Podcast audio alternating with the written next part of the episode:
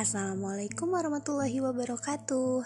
Kembali lagi di Jejak Muslimah Podcast.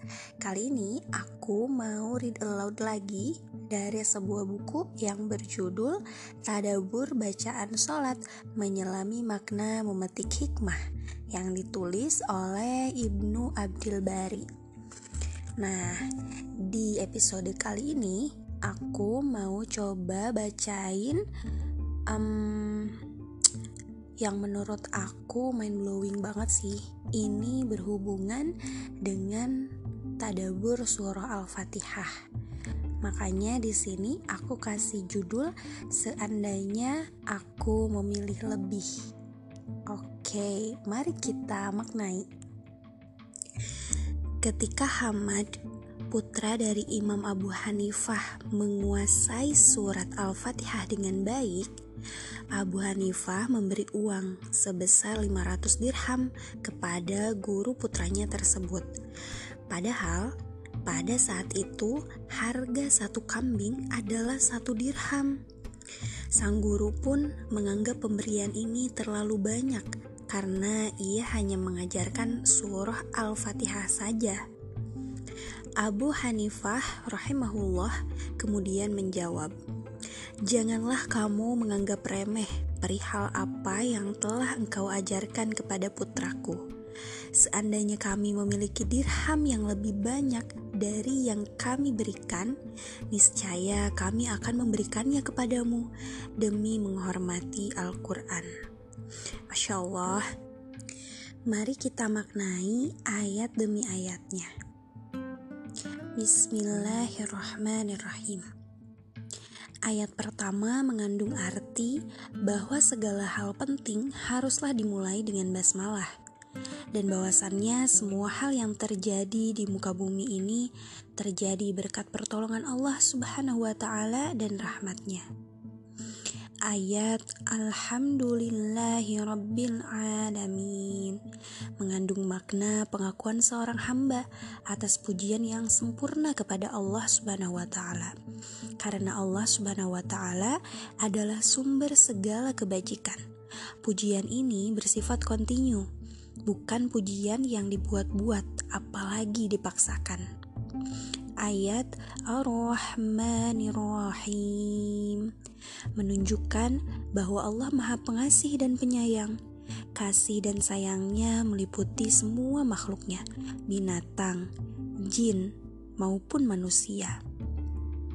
Kasih dan sayangnya mengalahkan marah dan murkanya.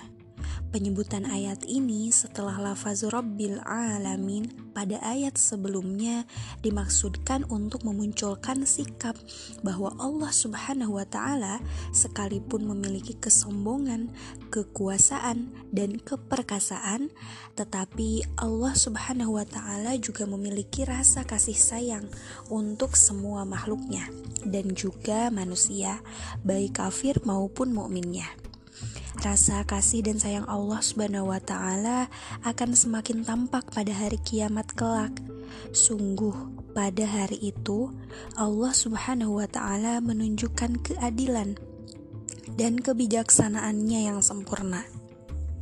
Berikutnya ayat Maliki Yaumiddin menjelaskan adanya hari kebangkitan dan Allah Subhanahu wa taala adalah penguasa dan raja pada hari itu. Hari ketika Allah Subhanahu wa taala memberikan balasan terhadap amal-amal hambanya. Kebaikan dibalas dengan kebaikan, keburukan diganjar dengan keburukan. Sebuah balasan yang setimpal. Ayat Iyyaka na'budu wa iyyaka nasta'in yang menggunakan domir khitab atau kata ganti kedua hanya kepadamu. Ini mengisyaratkan dialog kedekatan hamba dengan Robnya. Allah Subhanahu wa Ta'ala tak memiliki jarak untuk mengabulkan doa dan memberi pertolongan kepada hambanya. Pemilihan kata kami dalam ayat ini juga sangat pas. Seolah si hamba berkata, "Wahai Robbi, Aku tak lain adalah hambamu yang miskin lagi hina. Tak pantas bagiku menghadap seorang diri di hadapan cahaya kemuliaanmu. Untuk itu, aku memilih berbaris dan bersujud bersama orang-orang yang juga beribadah kepadamu dan memohon pertolonganmu.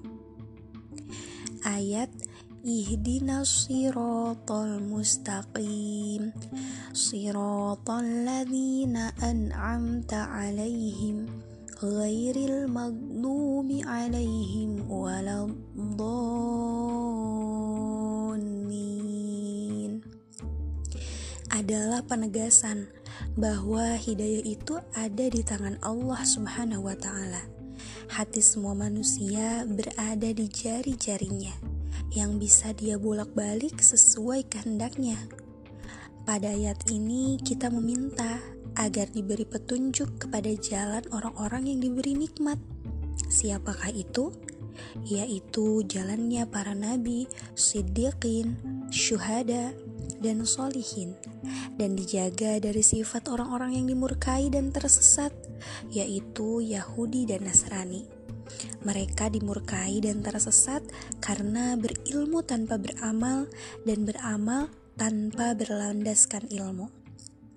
Sungguh permohonan agar selamat dari keduanya minimal 17 kali dalam sehari membuktikan betapa rawannya kita bila serupa dengan mereka.